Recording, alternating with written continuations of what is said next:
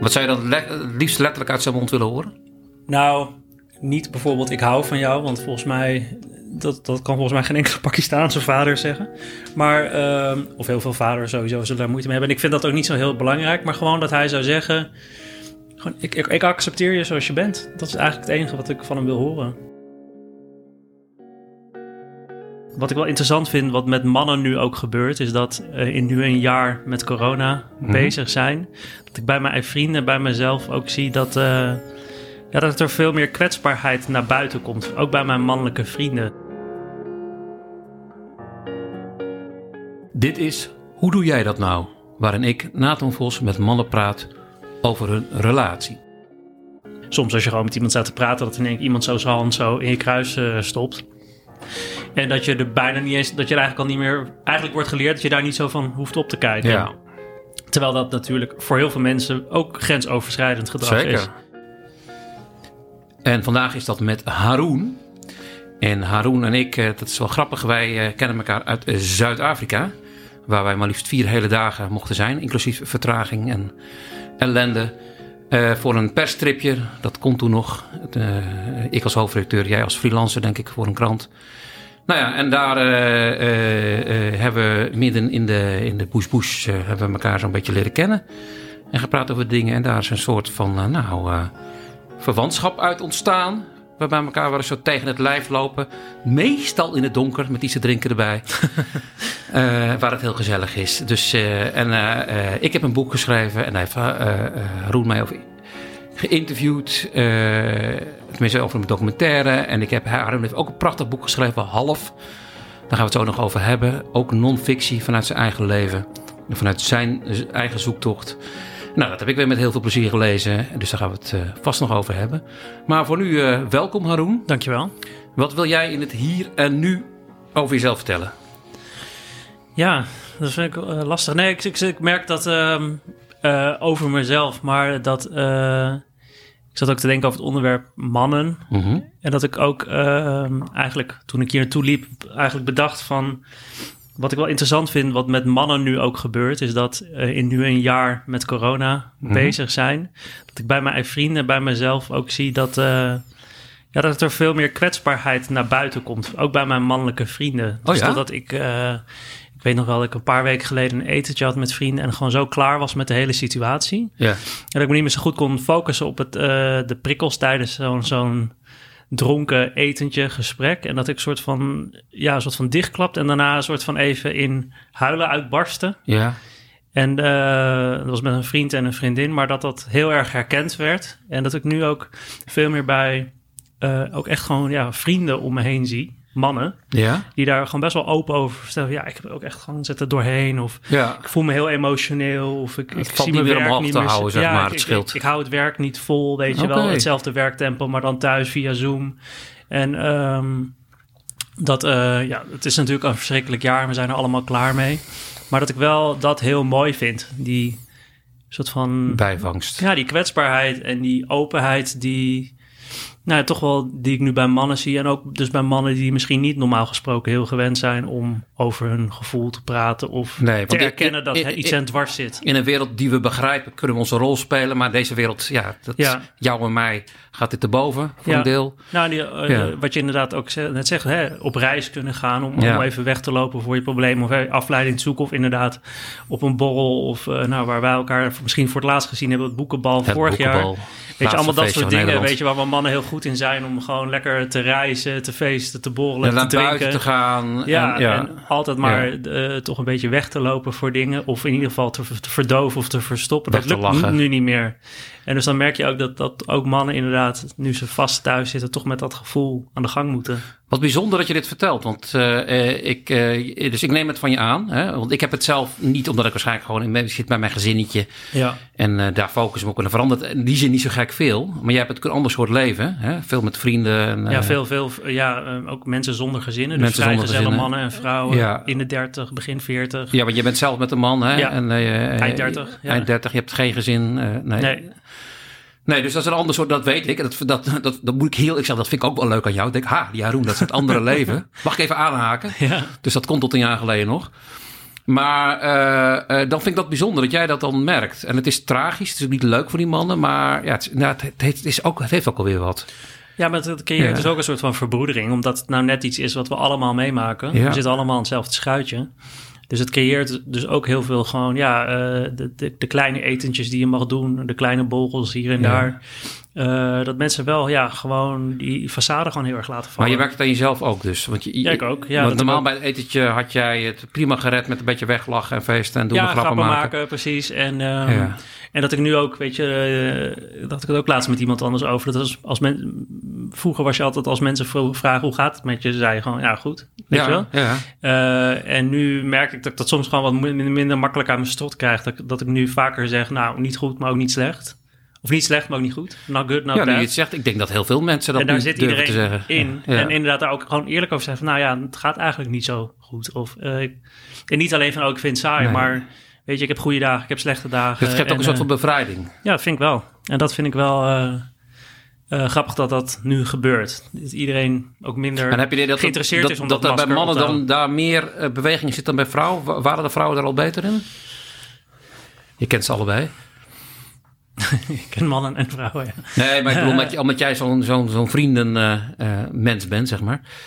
Ook veel met vrouwen, toch? Ja, nee, nee, ik probeer Hm. te bedenken of, of, eh, of vrouwen daar makkelijker zijn om dat te uiten. Er wordt altijd gezegd, nou, vrouwen zijn meer in touch met hun gevoel. Dus Ja. ze zullen daar ook makkelijker over kunnen praten. Ja, dat bevraag ik nu. Ehm, maar ik weet niet of daar zo een heel erg groot verschil in zit. In ieder geval niet de mannen en vrouwen die ik ken. Het is niet dat de vrouwen die ik ken nou de hele tijd soort van emotioneel incontinent leeglopen of zo. Nee, dat, maar ja. nee, ik weet het ook niet, maar het kan zijn. eh, ik, ik, ik weet niet of man of vrouw hier slechter mee om kunnen gaan. Maar Nee. jij, jij ziet in jouw omgeving, en is tien, dat mannen. Ja, niet meer eh, zo stoer doen in niet meer zo stoer doen. Ja. Ja, ja. ja. dat is, eh, ja, dat heeft wel wat. Zien wat er van overblijft. Ik bedoel, zodra het kan, gaan we natuurlijk weer grappen maken. Ja, precies. ja. ja. Hey Haroon, ehm, wij, eh, nou, ik, ik refereerde net al even aan, eh, eh, wij, wij zijn ooit, eh, mochten wij vier dagen, jij bleef wat langer naar Zuid-Afrika voor een perstrip. En ik kan me herinneren dat ik afscheid nam van mijn gezin voor die vier dagen. Ik dacht, al lachen, brengen wij papa even naar eh, het vliegveld. En volgens mij drie uur later stond ik nog in de rij, want eh er was storm en we konden niet naar Londen. Ja, En in Londen moesten we rennen eh, eh, om, het vlieg, om het vliegveld naar Kaapstad, nee, Johannesburg te halen. ja. En eh nou, de bagage kwam uiteindelijk een dag later, geloof ik. En ik, eh, ik weet wel dat ja we hebben ook nog een auto vastgestaan in de modder, toch? Ja, dat was later. Oh ja, ja. Ja, dat, eh, ja, dat was allemaal dus een paar dagen, maar het gevoel en dat is een stuk later, waarschijnlijk twee dagen. Maar ik weet wel dat ik dat toen haar lag, haar leuk, want die gast die ken ik uit de krant al, want ik, ik, ik, ben, een- ik, ik lees die krant waar jij voor schrijft.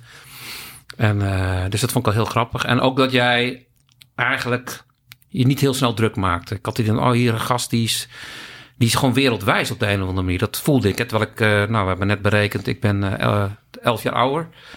Maar ik vond dat, ik vond het zo. Ik denk, ah, ik vond, ik vond het wel veilig bij jou. En de rest van het gezelschap trouwens ook, want er waren ook ervaren reizigers. En eh waar komt. Ja, dit is mijn, mijn, eh, mijn eh, blik op jou. Hè? Eh, Ik vind het heel leuk om te horen. Dat is Ja. niet dat ik per se zo naar mezelf kijk, maar dat wel kan- leuk als je dat van dat, iemand dat, hoort. dat kan ik me ook zo voorstellen. Nee, en het is voor mij altijd leuk, omdat ik... eh, ik heb op een gegeven moment, eh, ging ik nog wel eens in gezelschap... dacht ik van, ik ben ouder en misschien wijzer. En elke keer bleek dat niet zo te zijn. Ja, tenminste dat ouder wel. En nu, eh, nu was het heel duidelijk van, nou... eh, weet je wel, ik mag blij zijn dat ik, eh, dat ik zo'n gezelschap heb... wat heel cool blijft en ervaren. En ik kan me herinneren, volgens mij kan je... jij schrijft en je fotografeerde volgens mij ook best professioneel. En de rest ja, ook. ja, precies. En ik deed maar wat. Ja, Nou, volgens mij is toen bij mij het besef ingedaald op die reis, wat een hele leuke reis was, verder van, volgens mij doe ik maar wat. en dat is niet erg, maar ja. misschien... eh, ja. En ik denk dat iedereen dat uiteindelijk toch ook... Want ik Ja. doe ook maar wat. Maar eh, eh, hoe, hoe, hoe kom jij zo? Ik heb, tenminste, mijn, mijn, spreken mijn tegels niet, maar ik heb het idee dat je ergens wat wereldwijs bent. En een soort van, je nergens druk over maakt, tenminste, eh, vrij beweegt overal. Wij klikken ook heel makkelijk, terwijl Ja. we toch echt een ander leven hebben.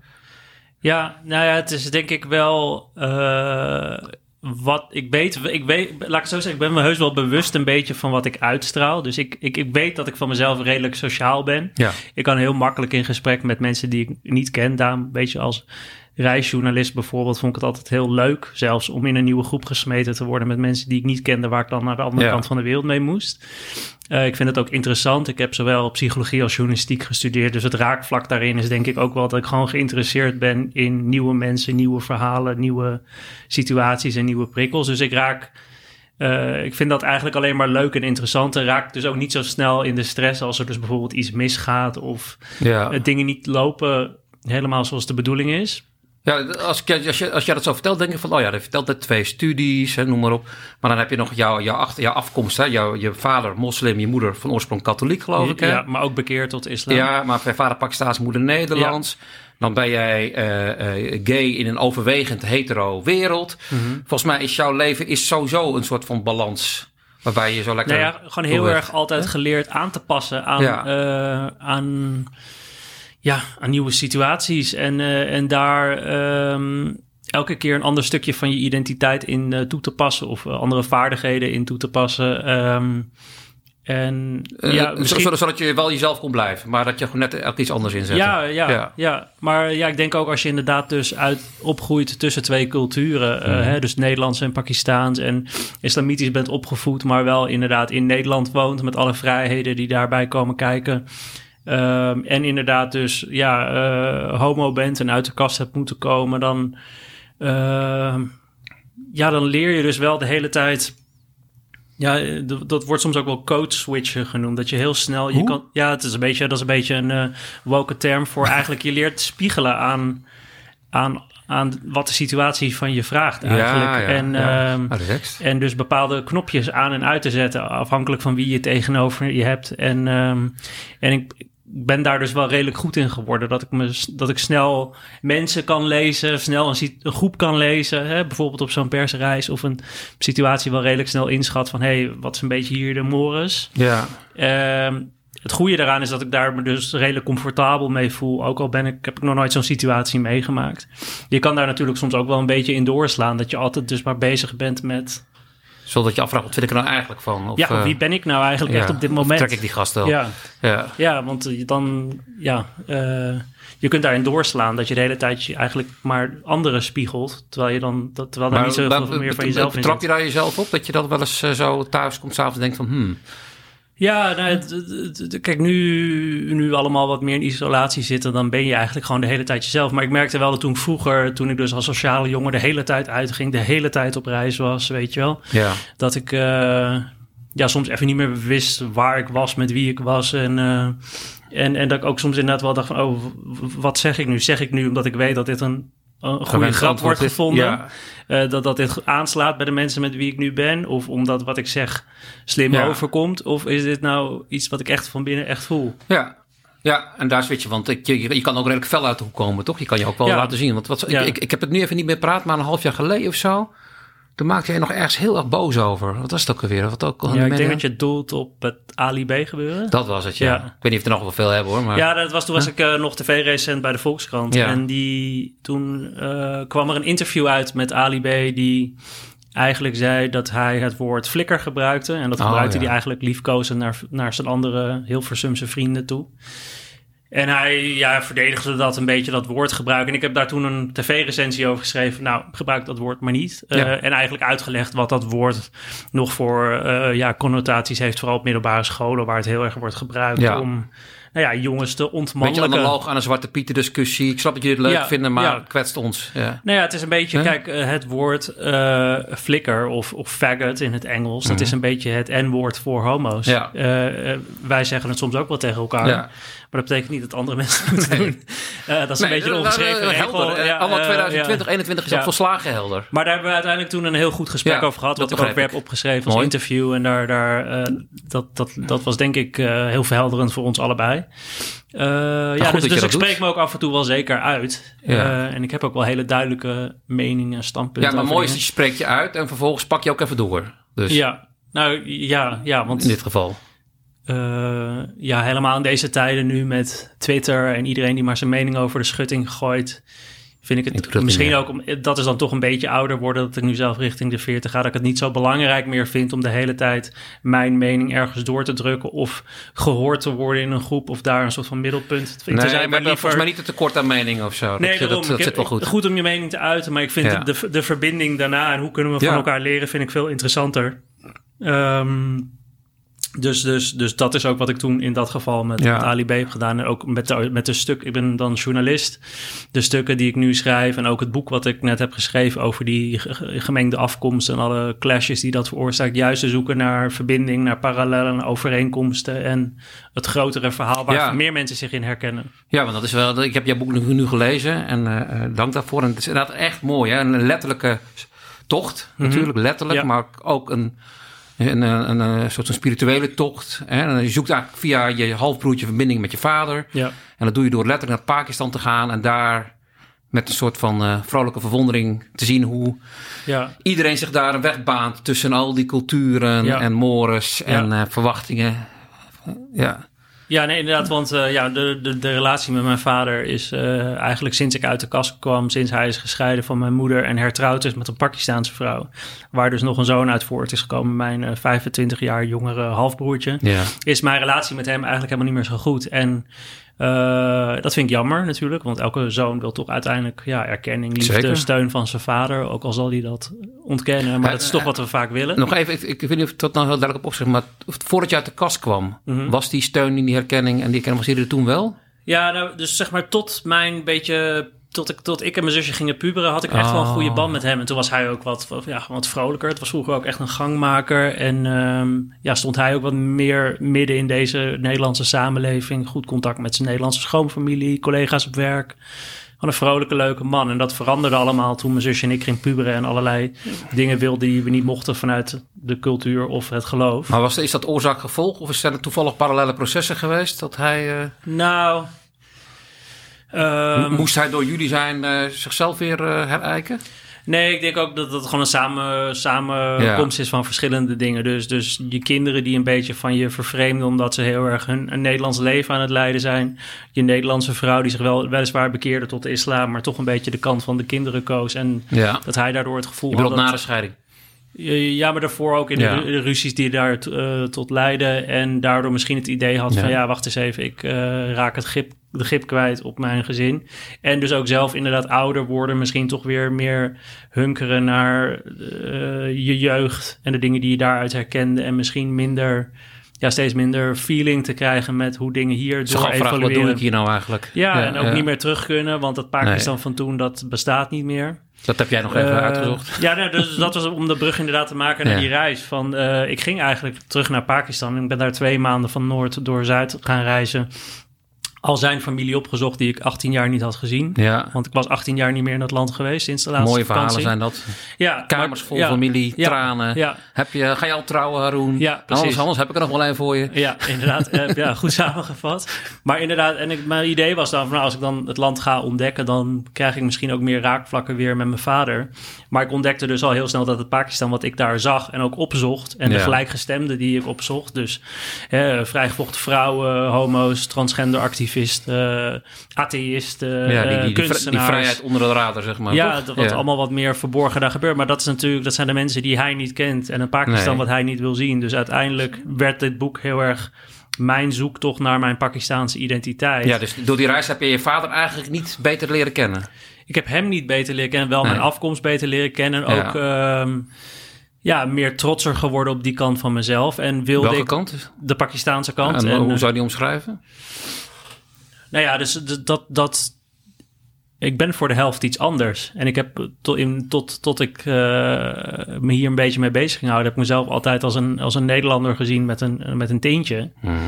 En nu zeg ik met veel meer trots: ik ben Nederlands en ik ben Pakistaans. En die kanten zijn voor mij allebei even waardevol. En wat ik altijd zag als een clash tussen twee uiteenlopende culturen, zie ik nu juist als the best of both worlds. En, ehm, en ik heb dat hele boek nu aan mijn halfbroertje gericht, omdat ik het eigenlijk al, dat allemaal met hem wil delen. In de hoop dat hij daar later ook net zo trots op zal zijn. Dat hij ook trots zal zijn op het feit dat hij Pakistaanse ouders heeft. Hij in zijn geval twee. Ja. Maar ook in Nederland opgegroeid. En hopelijk die kanten beter met elkaar kan verenigen. Of waar ik wat langer over heb gedaan. En ehm, hem ook een Pakistan te laten zien wat mijn vader liever niet aan hem wil zien, laten zien. Nee. Maar wat is de Pakistaanse man in jou? Ja, dat klinkt bijna een beetje een soort van cliché om te zeggen, maar ik heb wel denk ik dat temperament wat ik heb. Dus de grote bek die je kan hebben. ehm, eh, dat, dat, zit, dat is wel mijn Pakistaanse kant. Dat Denk ik. Ik, ben geen nuchter, ik ben geen nuchtere Hollander. Dat is gewoon niet Ja, zo. ook wel een beetje, vind ik. Maar Vind je? Ja? Vind ik. Maar misschien is dat een van die knopjes die je kan aanzetten in het contact. Nee, ik ben gewoon wel een heel erg emotioneel persoon. Dus Ja. ik kan heel snel van eh, mood switchen. Dus ik kan heel snel, heel zagrijnig, heel boos, heel vrolijk, heel uitzinnig worden. En dat overal. En Dat, kan elkaar, dat zullen mijn betere Oh, vrienden ja. zullen dat ook ja, allemaal ik wel ik ken jou alleen maar uit het schema eigenlijk. Nee, precies. Dus eh, nee, maar dus ik, ik, ik, ik, eh, Ja. ik leef wel vaak in de uiteindes van het emotionele spectrum. En dat, dat, En- is, dat is denk jij, dat is jouw pa- een Pakistaans gen, zeg maar. Laat ik het zo zeggen, ik zie het meer bij niet-Nederlandse Ja. mensen dan bij ja, Nederlandse nee, mensen. bij de, de, En dat is niet precies dat- Pakistaans, maar mijn vriend is bijvoorbeeld half Spaans. Die, heeft, die, heeft dat die is ook heel gevoelig. Ja, Eh, en we hebben het daar wel eens met z'n tweeën over gehad. Dat we dat toch allebei wel heel erg zien als iets wat niet heel erg Nederlands is. clash dat dan ook? Dat jullie allebei... eh, Oh ja, nou ja, de eerste, eerste jaar, twee jaar van onze relatie was wel redelijk eh, gepassioneerd op een leuke manier, maar we hadden ook heel veel ruzie. En Ja. op een gegeven moment kabbelt, dat weer een beetje weg. En dan dan weet wat relaxter, waar je wat, je aan moet elkaar hebt. Ja, Ehm, nee, maar dus daar vind ik mezelf wel heel niet Nederlands. ja. En, eh, en sowieso, je bent daar natuurlijk geweest en je hebt inderdaad nou, gewone Pakistani ontmoet. Je hebt ook veel Pakistanen ontmoet die vermoed de normale Pakistani misschien niet ontmoeten. Ja, Hè, achter, achter, achter gesloten deuren. Ehm, wat, wat kan jij zeggen over, verder over verschil de Pakistaanse mannen en de Nederlandse mannen, mensen? nou ja, kijk, ehm, wat je natuurlijk eh, in een land als Pakistan en heel veel van die andere omringende landen daar natuurlijk ook ziet, is dat de man-vrouw verhoudingen daar nog wel eh, ja, behoorlijk achterlopen op hoe dat hier is. Niet ten voordele van de vrouw. Nee, nee, nee. Dus ehm, ja, ehm, als kinderen worden geboren, zijn, willen ouders nog steeds liever een zoon dan een dochter. Ja. En die, zo worden ze ook de rest van hun leven behandeld. Toch wel als prinsjes. Eh, de oogappel van het gezin en eh, de wat- trots van de familie. En wat En- levert dat al voor volwassenen op? nou, ehm, wat ik dan. Ik heb ook hele leuke mannen ontmoet en eh, hele eh, gewoon vrolijke, levensgenietende Pakistaanse mannen. Maar wat ik van de vrouwen hoor die ik daar heb geïnterviewd, eh, ja, is dat ze. ehm, eh, ja, ze, ze- worden als sprintjes behandeld en daardoor denken ze ook dat ze recht hebben op alles. Dus die denken ook dat ja, vrouwen naar hun pijpen moeten dansen. Dat je die inderdaad gewoon ja, zomaar berichtjes kan sturen, lastig kan vallen. Dat ze daar de mond over moeten houden. En dat in de jongere generatie zie je wel dat, dat steeds meer wel de ontwikkelde, hoogopgeleide Ja. Pakistanen zijn de, de verhoudingen veel gelijker. Maar ja, eh, de vrouw moet zich toch een beetje schikken naar de man. Ehm, en dat, ehm, ja, het- dat maakt ze een beetje arrogant, zelf ingenomen soms. Eh, ehm, Maar heb je daar wel gelukkige relaties gezien? Zeker, zeker. Ja. Ja, wel, tuurlijk wel. Ja, eh, en mijn nichten, die allemaal mijn leeftijd zijn, die hebben allemaal... eh, want dat is ook vaak een misvatting. Ja, in de rurale plattelandsgebieden worden mensen nog wel uitgehuwd. Ja. Maar in de ste- mijn nichtjes hebben allemaal zelf een partner uitgekozen. En daar zijn ze heel gelukkig mee. En die werken ook gewoon nog. En die bepalen zelf of, hoe en Ja. hoeveel kinderen ze willen. Ehm, dus daar zit veel meer gelijkwaardigheid in. Maar dat, dat, daar is nog wel een weg in te gaan. Ja. Ehm, en ja, die mannen daar hebben wel veel meer een soort van trots de hele tijd. Weet je wel, ik weet hoe het zit. ja. Ik duld geen kritiek. Ik duld geen En tegenspraak. dat zie je hier toch uh, uh, bij Nederlandse mannen, mannen anders. Ehm, nou, niet in de die heeft. Ja, Dat is wel wat extremer. Ja, ex- extremer. Tuurlijk zullen er ook. Wij neigen ernaar, maar we weten als we gaan men, uh, dat, dat Ja. het. Uh, we worden teruggeroepen, zeg maar. Of gefloten. Ja, precies. Dat, dat, dat inderdaad de vrouw dat niet zomaar zal pikken. We, we uiten het in mansplainen. Dat is nog een tamelijk ongevaarlijke vorm. uh, Ja, precies. Ja, ja, ja, ja. Maar dan gaat het al over zo meer op, op detailniveau Ja. dan je, je bent een vrouw, hou je mond. Weet Ja, je? En dat ook ja, gewoon zo hard ja. uitspreken. Ja.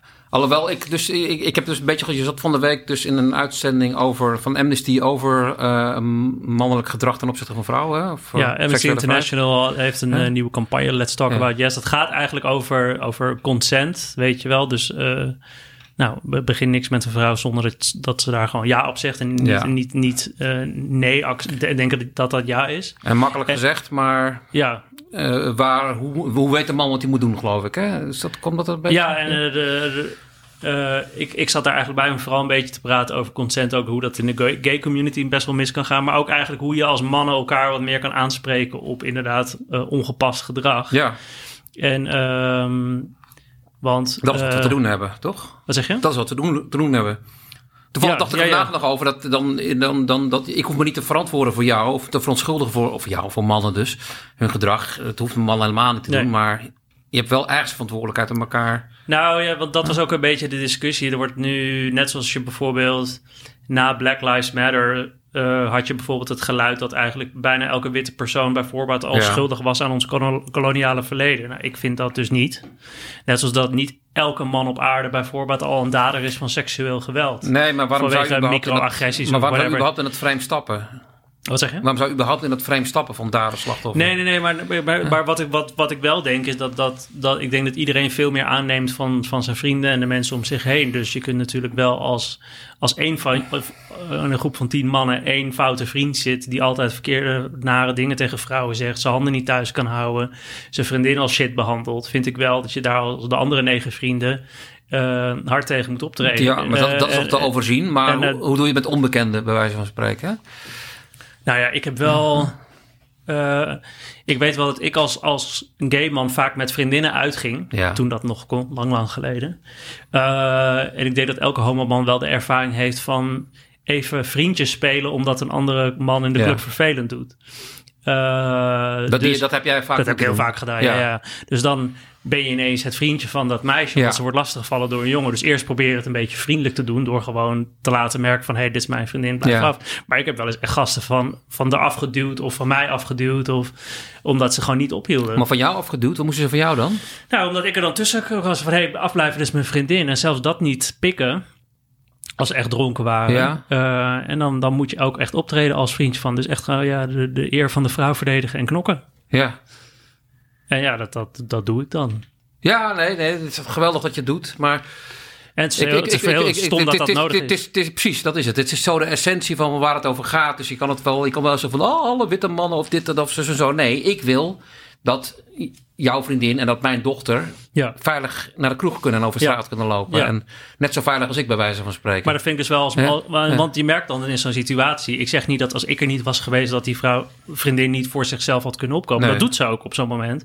Maar soms is dat dus kennelijk niet genoeg... als iemand echt zomaar blijft doordrammen... en vervelend blijft doen of aan er blijft zitten.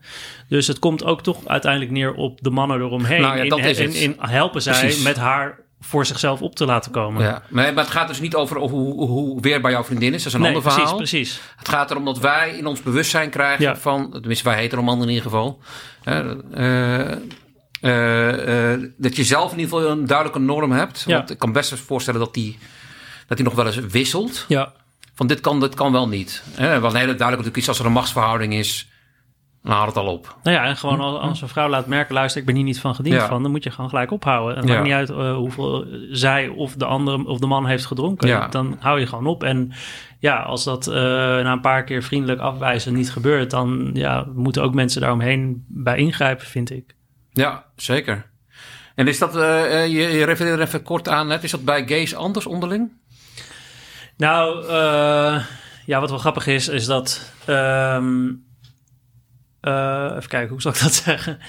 Eh, nou ja, ik, ik, ik ging, ik ging eh, altijd veel uit, ook veel in de gay scene. En je ziet wel dat eh, de seksuele mores is toch wel wat losser. Zeker. Ehm, eh, en daar, daar kun je allerlei verklaringen voor bedenken. Namelijk bijvoorbeeld mannen onder elkaar. Nou ja, er wordt altijd gezegd... mannen hebben meer zin in seks. Dus als je alleen maar mannen bij elkaar zet... dan gaan ze allemaal met elkaar naar bed. Ehm, Niet onaannemelijk. Nee, precies. Maar ik kan dat... Ja, ik weet nou niet of daar zit natuurlijk wel wat in, alleen ik kan dat niet bewijzen, nog uh, Nou ontkrachten. ja, maar en omgekeerd zou je als kunnen zeggen, in een hetero, dan, dan zitten er consequenties aan de seks. Want wie dat- weet, eh, en, komt er eh, een ja, gezin. het is toch zo, er, is ook, er zijn ook lesbische scenes en daar eh, is minder seks in het Ja. openbaar dan bij, bij homo's. En dus het hele uitgaansleven is ook een beetje eh, ingericht op het snel kunnen scoren. Dus je hebt hè, bars en clubs met dark rooms, je hebt gay sauna's, je hebt eh, nou ja, allemaal van dat soort eh, plekken waar je ja, heen kan gaan om te dansen met je vrienden, te kletsen, te drinken en een leuke tijd hebben. Maar en ook, waar en ook, de koppeling seksliefde dus niet automatisch is wat het bij hetero Nee, precies, maar dus inderdaad heel makkelijk seks kunt krijgen. En dus ja. de, de, ja, de, de drempel dus een stuk lager ligt. En daar heb ik ook wel eh, zeer actief eh, aan meegedaan. Maar vroeger. heb je daar ook dit soort consent issues? Nou ja, daar is, daar is dus de... Je, als je eigenlijk uit de kast komt en je gaat dus in de gay scene feesten... is het heel normaal dat als je gewoon door zo'n bar loopt... dat mensen je, je kont of in je kruis grijpen. Ja. Soms als je gewoon met iemand staat te praten... dat in één iemand zo zijn hand zo in je kruis eh, stopt. Of ergens neerlegt. En dat je er bijna niet eens... dat je er eigenlijk al niet meer... eigenlijk wordt geleerd dat je daar niet zo van hoeft op te kijken. Ja. Terwijl dat natuurlijk... eh, voor, voor heel veel mensen ook grensoverschrijdend gedrag Zeker. is. Dat zou je Eh, niet moeten flikken met nee. eh, een vrouw. Nee, precies, precies. Dus, eh, en eh, ja, je leert daar dus ook wel wat assertiever te voor worden. Dus inderdaad zo'n man voor je af te duwen of eh, te zeggen, hey, eh, handen thuis. En, eh, en nou kan ik dat gelukkig eh, heel makkelijk. Alleen er zijn natuurlijk ook heel veel homo's die ja, een minder grote bek hebben, minder assertief zijn, bij wie dit dus ook een probleem is, die dus dan ook worden betast door anderen in een, door andere mannen waar ze niet op zitten te wachten. Maar daar is het soort van En- de norm dat het kan dus. In, in die nou ja, dat je er in ieder geval niet over moet zeiken. Ja. En, ehm, en ik ken ook wel verhalen over bijvoorbeeld homo stellen. Weet je wel, als je twee mannen in een relatie of twee vrouwen, dan is die hele fysieke eh, eh, balans wat gelijker. Maar dan krijg je dus ook dat hele dominantie kwestie, weet je wel. Kijk, een man mag een vrouw niet slaan. Hebben Ja. we met z'n allen afgesproken. Ja. Omdat de man gewoon fysiek eh, ja, eh, vaak sterker is. Dus zij wint het nooit van hem in zo'n gevecht, zeg maar. Maar dat is bij gays is dat nooit helemaal duidelijk. Dus je, je, ja, je- als, als homostel kun je wat sneller met elkaar op de vuist gaan. Omdat het ogenschijnlijk Oh, gelijk, ge- gelijkwaardig is. Joh, ja, Ja. mijn vriend en ik als we dronken waren... hebben ook wel eens eh, staan duwen en, en knokken. Nou, dat heb ik Maar, nog nooit eh, gehad met Martine. Nee, precies. Ehm, maar, eh, maar en, en ja, again, weet je, bij ons was dat helemaal geen issue, omdat het gewoon, ja, eh, maar, maar inderdaad in een relatie waar dus ook de ene man zeer duidelijk ouder, sterker, groter, breder is dan zijn vriendje misschien en het echt naar huiselijk geweld gaat leiden. Daar is ook een heel erg taboe op. Daar wordt, daar wordt weinig over uitgesproken. Dus in dat opzicht, dus als je het hebt over consent...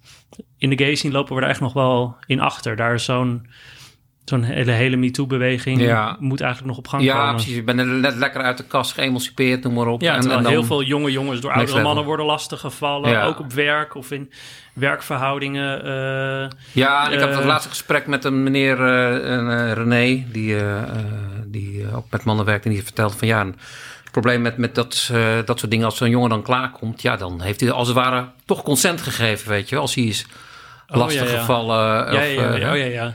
ja, dat is allemaal veel schimmiger inderdaad. Dus, Ja. dus, eh, dus ja, ik vind het wel interessant om daar in ieder geval ook wel een licht op te schijnen. Omdat daar, ja, Ja, wat- de wat- gesprekken wat- zoals wat- MeToo wat- de afgelopen twee jaar zijn gebeurd... die moeten daar echt nog wel Wat, wat, wat, heb jij, wat kon jij inbrengen bij de Amnesty, eh, bij dat verhaal over consent?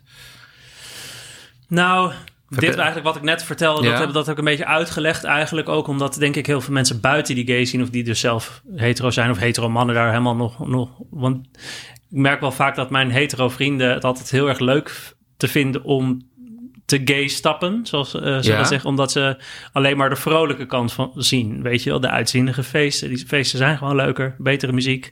Ehm, maar ook inderdaad die seksuele losgeslagenheid. Dat zien ze als een soort van... oh mijn god, ik wou dat ik homo was... want dan kon ik met iedereen de hele tijd seks hebben. Daar zit wel wat in. Eh, en ook hoe wij, hoe wij homo's... of hoeveel homo's naar hun relatie kijken... en die invullen... eh, is vaak wat vrijer. Maar goed, daar zit dus ook een schaduwzijde aan van inderdaad ja, ongewenst gedrag, eh, oppervlakkigheid, eh, eenzaamheid. Ja. eh, of inderdaad ja, nooit eens een keer voor, voor een leuke jongen Ja, worden dus aangezien, hetero maar vrienden, gelijk als een soort van gebruiksonderwerp. die vinden dat leuk, maar dan zeg maar één keer per maand of zo om, om een keer ja, mee precies, te gaan. als een soort van vakantie. Die zouden het Ja. leven niet willen... Niet, niet, Ja, ja, die zien niet alles wat eraan vooraf is gegaan. Nee. naar natuurlijk de, de strijd voor, Nee, voor erkenning zelfacceptatie. Ik, ja. en, en die zien de vrolijke feesten, maar die zien niet Ja. de coming out en de jarenlang van schaamte misschien. En ook de schaamte die er misschien nog is als ze wel uit de kast zijn gekomen. Hè, destructief gedrag met alcohol, drugs, he- veel te veel vluchtige seks en daardoor niet, nou ja, misschien een, een volwaardige relatie Maar te ontwikkelen. seks gewoon omdat het kan. En omdat, Omdat je ook kan, dat je en dan makkelijk soms ook zegt. als verdoving Ja. voor misschien pijn of verdriet die ze eigenlijk Ja. voelen. En dat is misschien weer lekkerder dan met, met drugs en noem maar op. En voor je het weet zit je in een kringetje waarbij Ja, dat... dat kan, kan. Ik zeg niet dat dat de standaard is. Nee. En, en, en ik, ik, waar ik ook altijd heel erg van weg wil blijven... want ik heb daar vaak met andere homo-vrienden... die ja, ook een beetje activistisch zijn gesprekken over... die er zijn heel veel boeken verschenen over schaamte onder homo's... en dat alles maar destructief gedrag is. Je kunt ook heel veel vluchtige seks hebben... en ook recreatief drugs gebruiken zonder dat dat problematisch is. Tuurlijk. Dat doe ik. Uh, Ja. Ik vind het allebei heel erg leuk. En ik, ik, Fijn. ik haal daar heel veel plezier uit. Maar dat doe ik niet omdat ik ergens voor wegvlucht of iets wil wegstoppen. Dat doe ik gewoon omdat ik het leuk vind. Dat kan soms ook gewoon. Nou, ja, Ja. dat wil ik ook. nee. Maar oké. Nee, grappig. Nee, ik, ik, ik heb het zelf, ik heb wat jij zegt over heterofilie. Ik heb natuurlijk ook een soort van fascinatie. Dat ik denk, hè, nou ja, dat, dat heeft toch ook wel weer wat. Ja. Maar inderdaad, aan de oppervlakte. Hè, de- da- tot zover vind ik het Nou leuk. heel veel mensen do- doen dat allemaal vanuit gewoon perfect functionerende Ja. eh, levens. En dan is er helemaal niks schadelijks aan. Dus ik wil het niet, ik wil het niet meer problematiseren Nee. dan nodig. Nee, nee Alleen maar dat is ook er, niet... er, eh, er zitten wel soms vaak wat, wat ja, eh, destructieve beweegredenen onder.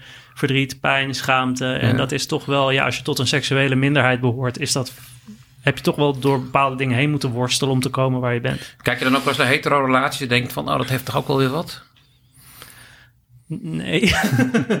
nee, ja, nee. Kijk, eh, kijk ik, ik, ik heb. Kijk, ehm, ik heb een hele stabiele, solide relatie al bijna know. negen jaar. Ik heb een hele fantastisch leuke vriend. En wij hebben. Voor mijn gevoel uh, redelijk huisje, boompje, beestje. In de zin van dat gewoon, we. toch?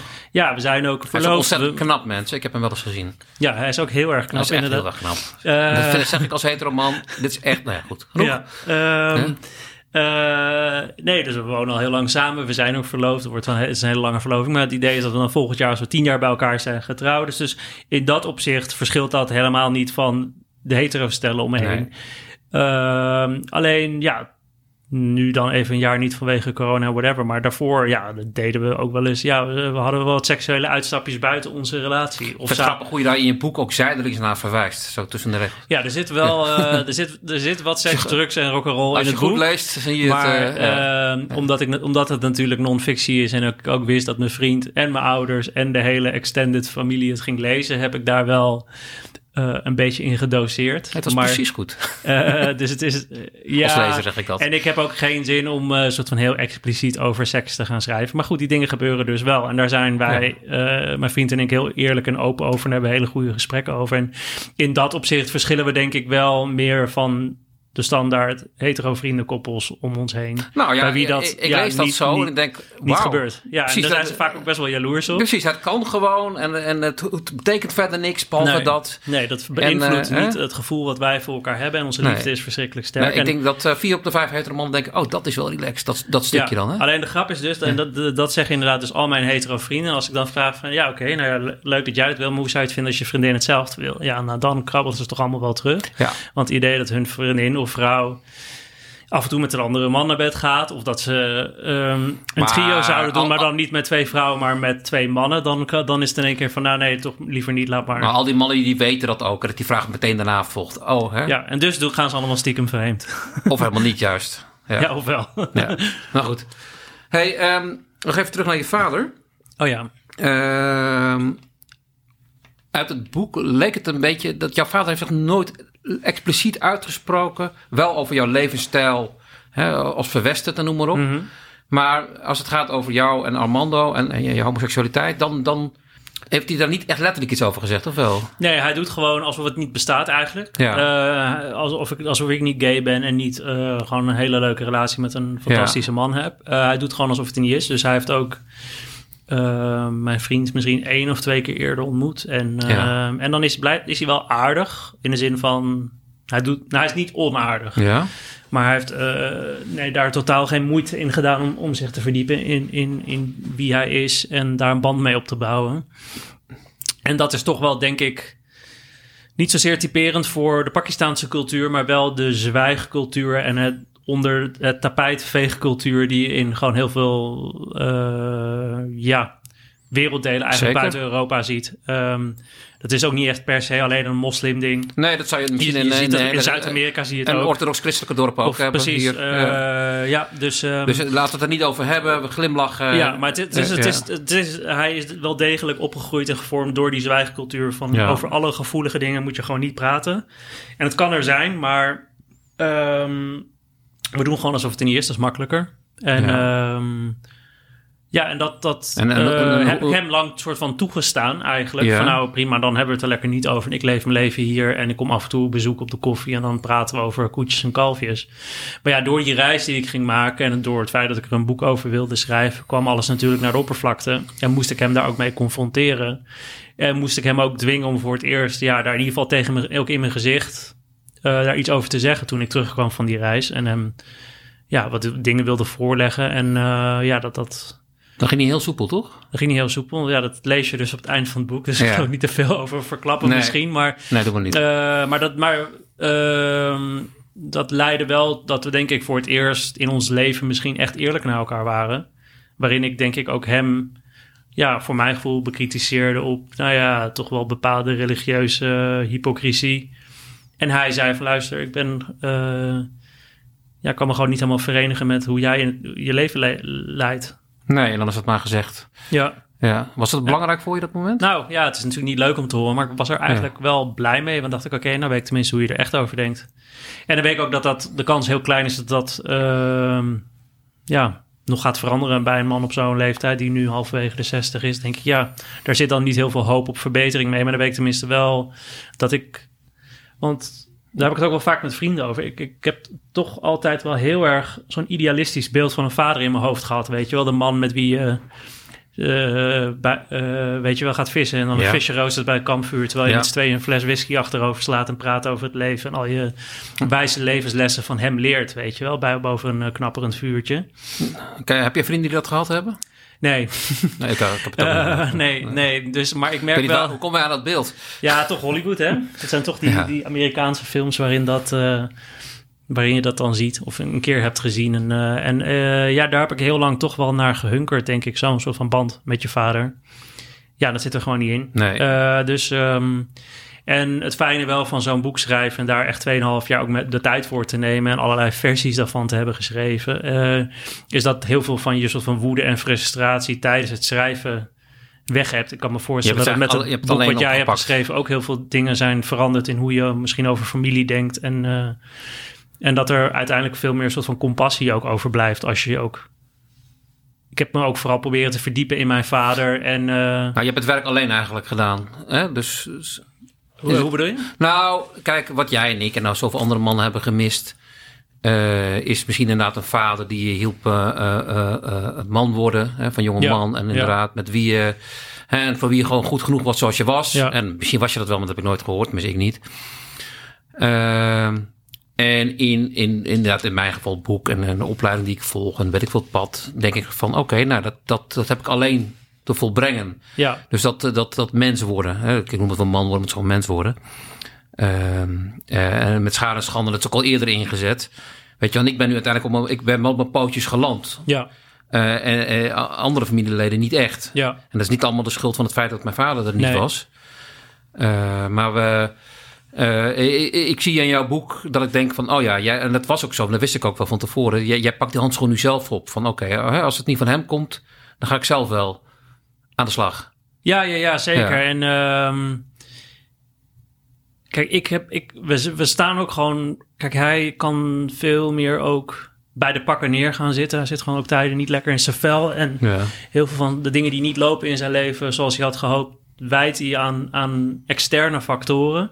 En ik ben wel altijd van nature iemand geweest die gewoon ja, echt het meeste uit dit leven wil halen. Ja, en jouw- daarom gewoon ja. zoveel verschillende Je dingen doen. verantwoordelijkheid voor je eigen leven nemen. Ook, Precies. maar ook gewoon letterlijk mijn tijd zo nuttig mogelijk wil invullen. Dus ik, ik wil ook, als er problemen zijn, wil ik ze oplossen. En zo heb ik ook lang naar mijn eigen soort van psyche gekeken. Van oké, als ik ergens niet lekker in mijn vel mee zit of ergens mee zit, dan moet dat gefixt worden.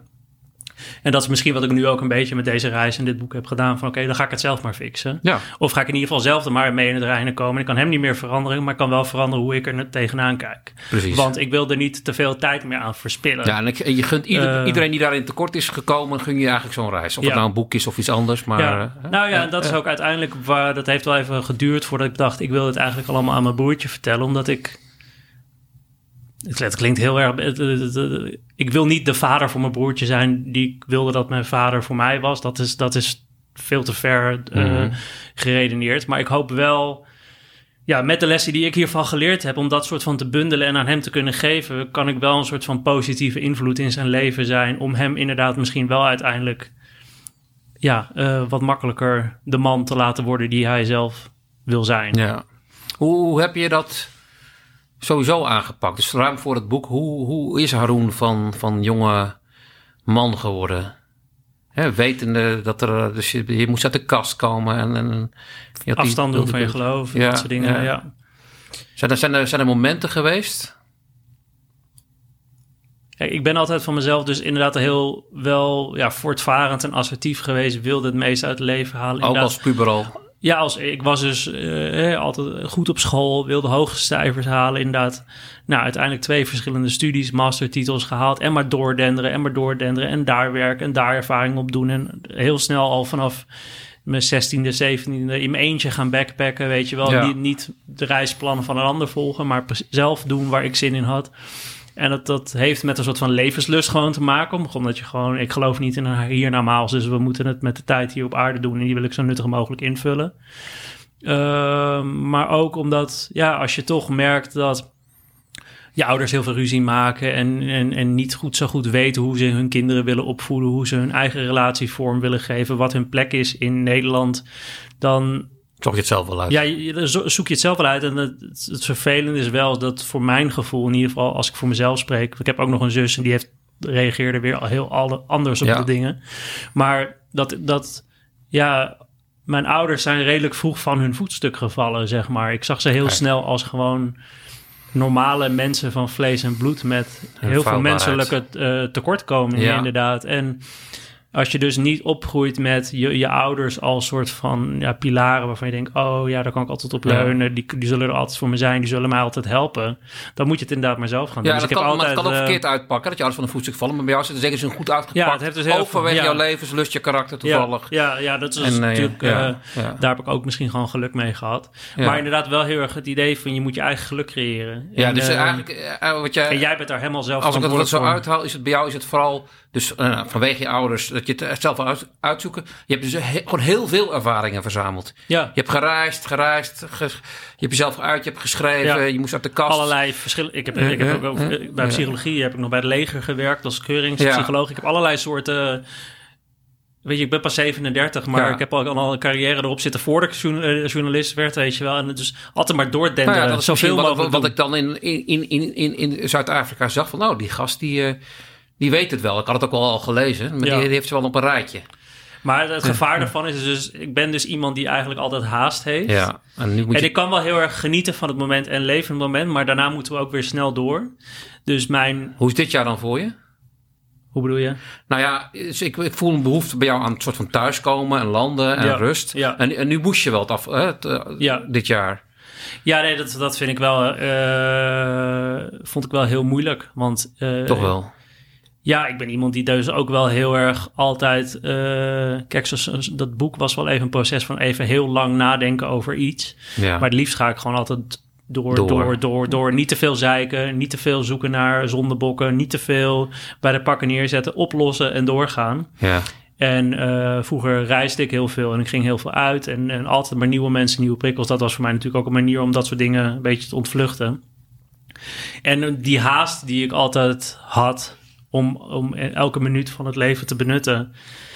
Ik heb dit jaar wel inderdaad geleerd dat, ja, de, hè, ik denk dat heel veel mensen dat nu beseffen. Dat geluk en succes niet meer zo maakbaar zijn als we altijd dachten dat het was. Dat je, je kunt van alles voor jezelf uitstippelen en zeggen: Dit is waar ik heen wil. En dan nou, komt er zoiets als dit. En Nou, da- daar ben ik dus dit jaar beland. Ja. Van, ik, heb geen, ik heb geen stip meer op de horizon. ja, Eh, dit is de stip. De Ja. stip is nu. Ja. En, ja. Ook daar Ja. hielp COVID. Ook, ik was er sowieso al beland. ja, ja, had gisteren nog met een eh, vriend over. Of een, coll- studiegenoot. Hij had het over eh, de acceptatie van sterfelijkheid. Dat was een sterfgeval geweest. En toen eh hadden we het erover na dat ik dan zeg van... Ja, ik wil absoluut niet dood. Ik wil lekker blijven leven. En ik hoef echt niet met COVID ja. op de IC... of, of sterker nog niet op de IC, maar eh, op de gang. ja. Maar ik, op de een of andere manier ben ik wel... ook als, het, als dit het is, dan is het prima. En toen zei hij van... oh ja, het is grappig dat je dat zegt... Want eh, eh, dat betekent, dat hij had net in een boek gelezen, dat als jij je, je sterfelijkheid accepteert, hè, dan nou, het is niet erg, ik bedoel, het is niet leuk, maar het kan. Dat betekent eigenlijk dat je, eh, je geworden bent wie je moest zijn. Op Oh, ja, dat ja. moment, dus je bent op zo'n zoektocht. Wie ben ik nou? Huh, huh, huh. En dat kan best wel duren, en dat tot je 30, 40, 50, 80ste. Maar, dat, maar als je op een gegeven moment dat je denkt van, oké, dit is het, zo is het goed. Dan ben ik klaar voor. En dan mag het nog 30 jaar duren, als het Ja. even kan. Dat ja, dat is wel een beetje waar ik nu zit. Ik hoef niet meer hoofdredacteur, uitgever, Oh, ja, wereldmannen redden. Eh, eh, ja. het is allemaal niks. Het hoeft, hoeft allemaal niet voor mij. Oh ja, daar, daar ben ik nog niet. Nee, het daar, goed is niet. Maar misschien is, misschien is dat ook waar, waar het leeftijdsverschil eh, zich denk ik toch wel in uit... dat jij daar gewoon verder in bent al dan ik. En karakter en levensverschil en talent het van alles. wat, kijk, eh, dit jaar heeft me wel geleerd inderdaad om niet meer alles te willen. Ja. Ehm, het is goed om een klein beetje te willen en in kleine doelen te denken. Ja. En, ehm, maar eh, ja, eh, heel veel dingen die je wilt, zul je niet krijgen. Daar komt het eigenlijk op neer. En dat, Ja. dit jaar heeft dat heel erg doen beseffen dat eh, je prestaties, je geluk, de, dingen, de bewegingsvrijheid die je hebt, dus ook worden begrensd door externe factoren. Of zelfs een kabinet die zegt wat je wel niet mag doen. Maar, en het helpt ook wel dat ik, ik wilde, ja, weet je, ik, ik, ik, heb, ik ben journalist, ik mocht veel op reis. Ik, heb de leuk, ik denk dat wij misschien wel een van de leukste banen ter wereld ja, hebben. ik kijk terug en denk van... En eh, ja, als Dat, ook, dat ook, ik zal ik al rustig sterven. Ik ben met Ja. Haroon in Zuid-Afrika geweest. Ja, precies. En, eh, los van de reizen, gewoon dat we mogen, ja, dat ons werk is dat we Ja. mensen die we niet kennen de meest impertinente vragen mogen stellen. En dat we volgens met de wereld mogen delen, is natuurlijk fantastisch. En het feit dat ik een boek heb mogen schrijven, vind ik te gek. En dat dat ook Mooi hè? eh, leuk is ontvangen. Dat is allemaal, dus, dus de, de- inderdaad, En de directe zijn is. ook een beetje hè? weg. En ja, dat je, precies, je hebt een mooi boek geschreven. Het is gewoon, je hebt het gewoon gedaan. Ja, Ja. dus de, inderdaad, ik heb ook iets minder nu keiharde Ja. targets van over een jaar moet ik dit hebben bereikt. Over, en ik ben ook niet meer zo bezig met, Maar, met st- erkenning of roem van Het zou tof buitenaf. zijn als half Nederland dat zou hebben. Even los van de mensen die in de shit zitten. Hè? Ik Ja. bedoel, er zijn genoeg eh, ondernemers. En even disclaimer, tuurlijk. Ja, En mensen die ziek worden en kwetsbaar zijn. Maar als iedereen nou denkt van ja, die stip op de horizon, laat maar even. ja, en gewoon, weet je, happy te zijn. Ik heb een hele leuke partner, ik heb fantastische vrienden. Ik ben meer in het reinen gekomen met mijn familie. Ik heb eh, vier hele leuke neefjes en nichtjes waar ik heel veel tijd mee doorbreng. Focus op de familie die je wel hebt. Eh, al is die zelf gecreëerd misschien zelfs. Maar wat je hebt over, over de doodsangst heb ik echt nog steeds heel erg. Nee, ik ben ja. doodsbang Nee, voor de dood. Het is meer omgekeerd. Op het moment dat je hem niet hebt, Ja. op, zoals ik hem dan ervaar, dan is het meer een signaal van: oh, blijkbaar zit ik op een goede plek nu. Oh ja, ja, ja. Zo zie ja, ik hem. Ja. Nee, ik ben wel heel erg nog steeds wel, nog steeds wel denk van zelfs ook kan ik nu geen kant op en moet ik in Amsterdam blijven, ben ik wel elke dag nog steeds bezig met ik moet mijn dag zo nuttig mogelijk invullen. Nou ja. En ik ben nog steeds wel echt heel panisch voor de dood. Ik heb er ook een keer een stuk over geschreven. Dat ik echt soms echt, en dat is meestal als ik een beetje moe of gestrest ben, dan kan ik echt wakker liggen in bed 's avonds. Van ik hoop dat ik morgen wakker word. Ja. Ehm, en ik vind ook eigenlijk, ik bedoel, het slapen is heerlijk, maar ik vind eigenlijk ongelofelijke tijdsverspilling. Als ik een soort van, weet ik veel, Android zou zijn die een half uur per dag in een, Ja. in een oplader kon stoppen en de 23,5 uur per dag had je over Ja. om andere dingen te doen, had ik, er, had ik ervoor getekend. Nee, maar natuurlijk, het is misschien ook de leeftijd en het feit, weet je wel, biologisch heb ik, heb ik ook mijn plicht gedaan. Ja, Twee wolkjes eh, van kinderen, dat komt helemaal goed. Ik, vraag me Eh, dat, ik kan daar natuurlijk niet over meegaan, maar ik vraag me dat wel af. Als je dus kinderen hebt, is dat inderdaad... Geeft dat een geruststelling van... ik heb mijn, mijn, mijn, mijn genen doorgegeven... Mijn, mijn, mijn stempel op de wereld gedrukt op die manier. In de, werkt dat zo in je Ja, ik kan alleen voor mezelf praten natuurlijk. En ik zo bewust natuurlijk niet. Eh, maar het is wel onderdeel van het, hè, dus naast het werk bij wijze van spreken, Mhm. van eh, dat, het besef wat ik dus de afgelopen jaar zo heb ge- eh, van, van nou, ik ben nu geland. Van ja, op zich is, ik, ik, hoef, ik hoef echt niks meer. En ik wil nog van alles, maar ik hoef niet. En, en, di- en dit, dit is er ook een bewijs van. Als, als bijvoorbeeld een van mijn kinderen in de problemen had gezeten, dat is ook een ander verhaal. Maar dat is, Ja. ook, is, is nu ook niet zo. Ja. Eh, dus ergens heel basically, basaal, eh, eh, vanuit het heteronormatieve spectrum dan, is van ja, ik heb, ik heb, ik heb me voortgeplant. Ja. het is gedaan. En waar, goed, zo denk ik natuurlijk helemaal niet. Ja, maar los van geaardheid, ik denk, ik denk dus wel dat elk mens en misschien toch... Ja, ik weet niet of daar ook nog een man-vrouw verschil in zit. Maar ik heb wel ook heel erg dat ik iets wil achterlaten op deze Ja. wereld. En daarom vind ik het heel leuk dat ik een boek heb geschreven. Dat dat er tot... Als ja. ik zelfs doodga, dan blijft dat boek bestaan. Nou, dat, is, dat, schijnt dat een mannelijk, een het, beetje schijnt, het schijnt een mannelijk ding te zijn. Ja, dat, dat, dat denk ik dus ook. omdat maar- wij ons niet kunnen voortplanten zelf, dus Ja. wij kunnen geen kinderen krijgen, moeten we op een andere manier onsterfelijk worden. Ja. Dus dan gaan wij torens bouwen Ja, en liedjes opnemen. ik, en, ik denk dat dat heel erg klopt. En dat gevoel heb ik zelf ook wel heel erg. Nee, dat heb ik. En dat heb ik nog steeds wel hoor. Dat ik ook. Ik, ik, ik merk ook, dat- ik, weet- ik weet niet, misschien ook door afgelopen jaar een grote onvrede die ik heb over hoe het kabinet de coronacrisis heeft aangepakt. En ik ben nu ook columnist, dus ik schrijf daar ook vaak over. Dat ik ineens ook zelf een beetje begin te denken: oh, hoe zou ik het zelf eigenlijk vinden om de politiek in te gaan op een gegeven moment bijvoorbeeld? dat is nu een vraag voor je. Nou, daar zit ik gewoon soms een beetje over te dagdromen. Ja. Maar dat ik ook denk van, oh, ik merk wel dat ik een beetje zo'n soort drive begin te krijgen om echt, nou ja, heel de wereld proberen te verbeteren. Wat is er mis? Wat, wat, wat, wat- hoe zou het anders moeten? Het? Hoe bedoel je? Nou ja, als jij, wat wil je verbeteren? Nou ja, dat, dat je echt een concreet steentje kan bijdragen aan, weet ik veel, de ontwikkeling van een Maar dat doe je toch? samenleving. Ja, nee, dat, dat, dat, dat kun je, als journalist bedoel je. Ja, nou, mooi voorbeeld wat we net aanhaalden met Ali B. Ja, Weet je, daar, daar, daar, daar weet je in ieder geval eh, een paar honderdduizend mensen. Hè, eh, zat je daar aan het denken? ja precies. Maar ik vind het dan toch... Ja, nee, ik, ik snap wel wat je zegt hoor. En er zijn ook veel mensen die Dus zeggen meer, dat, je meer als dan een backbencher die mee moet stemmen met. eh, Nee, precies. En door over heel veel problemen te schrijven, z- zit vanuit je op de kaart. vrijheid. En- Hè? ja, ja, Je, hebt, je hebt een soort van carte blanche ook verworven, denk ik, als columnist. ja. Maar ik vind het dan toch als politicus zit je nog meer met je vingers aan de knoppen. Dat weet ik niet.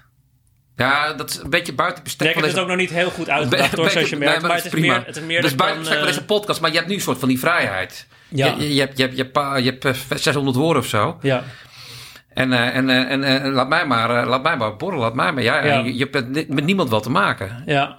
Ja, is wel lekker hoor. Maar het is wel zo, door, door die lockdown en gewoon meer thuis te zitten... en meer een soort van ruimte voor een beetje ja, verstilling en gewoon reflectie... in plaats van de hele tijd maar weer verder te reizen en door te feesten... merk ik wel dat ik ook inderdaad over dit soort dingen aan het nadenken ben... en dat, dat, ik, het ook, dat ik ook veel meer trots ook put uit het feit dat ik een goede vriend ben voor mijn vriend. Dat ik een goede oom ben voor mijn neefjes en nichtjes. Eh, dat ik een goede broer voor mijn zus probeer te zijn. Een goede zoon voor mijn moeder. En, en ook gewoon mijn- vrienden te steunen om me heen waar ik kan. En zij mij. Ik denk dat iedereen wel veel meer zijn directe relaties is gaan waarderen. Omdat dat ook de enige mensen zijn die je nu ziet. Eh, Ik zie tien dezelfde vrienden het afgelopen jaar. Waar ik vroeger de hele tijd mensen tegenkwam. met Ja. Allemaal hartstikke leuke hippe bars en feestjes. Zie ik nu steeds dezelfde vrienden. De hele tijd. Ja, Dezelfde bubbels. En, ehm, maar dat is ook super waardevol. ja grappig. Mijn wereld is nog kleiner. En ik vind het, en, en- maar ik vind, het, ik vind het eigenlijk wel best. Ja. Ik vind het eigenlijk wel best. Nou ja, wat ik, ik heb dan... Maar zie eh, jij geen vrienden of dat soort dingen? Jawel, ik doe af en toe wandelingetjes maken. En ik heb, eh, maar ik heb ook nog wat leed. eh, Wat, wat mensen die heel ziek zijn om me Oh, heen. ja, ja. Dus daar zit ook zorg en ook weer verbinding hoor. ja. Dus daar, het is ook, niet- we maken sowieso echt niet plannen nu thuis. Mhm.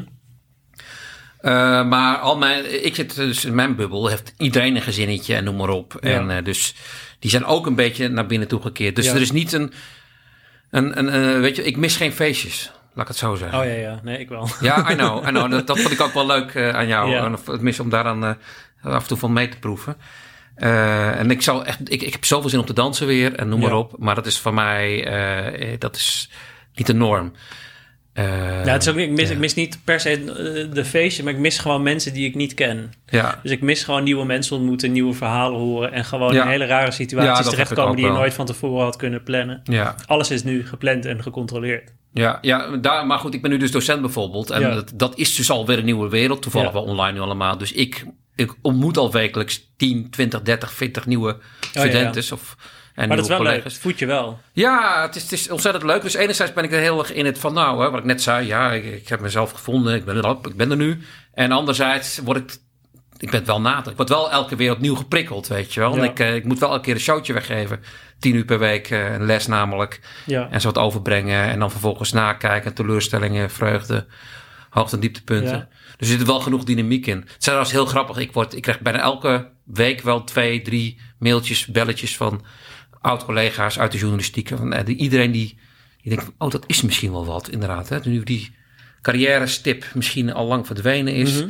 Die mensen van mijn leeftijd sowieso al hebben. Ik ben tegen, als je tegen de 50 bent, denk je van, nou, nu nog veranderen en anders niet. Nou, dan is het docentschap dat... eh, Lijkt mij ook wel leuk op een ja, gegeven moment. ah, of ja. tien jaar. Ja, precies. Doe, doe maar even niet. Nee, nee, nee. Nee. Dus, eh, maar dan, dan heb je de best of both worlds. Want je hoeft over heel veel dingen niet na te denken. Ja. Je hebt gewoon een rooster. Eh, het blijft, tot het einde der tijden blijft de behoefte aan eh, Ja. zorg en onderwijs. Ja. Dus carrière technisch. Ja, ik merk ook bij alles wat iemand, Ja. weet je, de, als je de, oh, les geeft, lijkt me ook, lijkt me ook wel leuk. En dat, zo, zo, zo zit ik dan toch wel in elkaar dat ik alles wil proberen. Ik hou er ook heel goed rekening mee dat er gewoon over vijf tot tien jaar gewoon geen geld meer te verdienen is als freelance journalist. Omdat, ja, eh, Ja, wie heeft er twee mastertitels? nou ja, precies. Maar, nee, maar dat de tarieven gaan omlaag en al die kranten Ja, en media man. vallen om. Dus ik hou er ook elke keer gewoon rekening mee dat het werk wat ik nu doe over vijf of tien jaar weer iets heel anders kan zijn. En dat je het zo door blijft gaan tot je dood. En dat vind ik ook helemaal niet een enge gedachte. Nee, dat, dat, eh, dat, Ehm. dat, die, dit is een realistische gedachte. eh, dat het, mijn, mijn, Martine is al, was al 30 jaar journalist, freelance. En Ja. die deed het al zo lang heel goed. Is nu ook docent. Ja, Zo van ja, ik kan wel elke keer, elke keer wakker liggen van de tarieven en noem maar op. En, ja weer en acquisitie. leuren, precies. En, eh, Ja, en dan weer uit je eigen leven elke keer Ja. peuren voor je stukjes. Dat is natuurlijk ook wel een dingetje. Ja, ja, ja. Ja, en dat, dat heb ik ook wel afgelopen jaar gemerkt. Dus weet je, normaal was het heel makkelijk om ideeën te verzinnen voor artikelen. En er komt gewoon nu best wel weinig in me op. Ja. Omdat je gewoon ja, geen reet meemaakt. Ehm, Maar waar ben je trots op? Eh, ik wil niet heel veel van werk hebben, maar wel, wel geschreven, los van je boek, hè, waar je terecht trots op mag zijn. Wa- wa- wat is nou, waar heb je laten zien? Want ik heb al wat stukken van jou gelezen, ook over je coming out, volgens mij, hè, en, en de Volkskrant. ja. Eh, dat heeft voor mij toen wel indruk gemaakt. Maar waar, waar, waar ben je zelf trots op? Nou ja, misschien dus niet dat ik zo me blind staar op van ik ben nu journalist en dat is wat ik doe, dus Ja. dat is wie ik ben. Ehm, ik denk dat ik gewoon ehm, misschien nog wel het meest trots ben gewoon hoe ik uiteindelijk in het leven ben komen te staan, ondanks misschien hè, ja, bepaalde rare eh, kronkelweggetjes in mijn ontwikkeling, uiteindelijk gewoon toch een heel redelijk zelfverzekerd, eh, sociaal Zeker. assertief persoon ben geworden die vooral heel erg geniet van dingen, geniet van deze wereld en probeert daar zoveel mogelijk in te doen. Op werkgebied, privégebied en gewoon heel veel lol maken en nieuwe ervaringen opdoen. En, Ja. eh, en Had het ook gekund zonder steady relatie? zo, eh, nou, dat, ik, ik ben uiteindelijk heel blij met deze hele steady relatie, omdat het me gewoon ook een beetje met beide benen op de grond Ja, houdt. Dus waar ik altijd elk, weet je, als ik, als ik single was gebleven, dan had elke dag voor mij een avontuur moeten zijn. En dan had ik mezelf helemaal opgebrand. Ja. En mijn vriend is compleet het tegenovergestelde. Is wat meer, is ook heel sociaal, maar wat meer een introvert. En die vindt het heel fijn om gewoon lekker thuis met mij op de bank stomme Netflix-serie te kijken. En gewoon die, die zegt ook soms tegen mij van Haroon, het is dinsdag. Dit was toen alles nog open was, maar het is nu dinsdag. We hoeven niet vandaag weer naar een of ander spannende galerieopening, feestje, museum, whatever. We kunnen ook gewoon thuis op de bank zitten en niks doen. Dus hij houdt mij ook wel heel erg gezond. Ja. Eh, en daar ben ik heel blij Lekker is mee. dat, hè? Zo'n eh, steady basis. eh. Ja, en, en ik geef hem weer heel vaak een schop onder zijn hol. Weet je wel, dus- avontuur. Of, of weet je, hij wil altijd het liefst gewoon naar een vijf-sterren resort... waar je niet zo heel veel met lokale mensen in contact hoeft te komen. En vooral de hele dag cocktails aan het zwembad geserveerd krijgt. Wat ik ook lekker vind.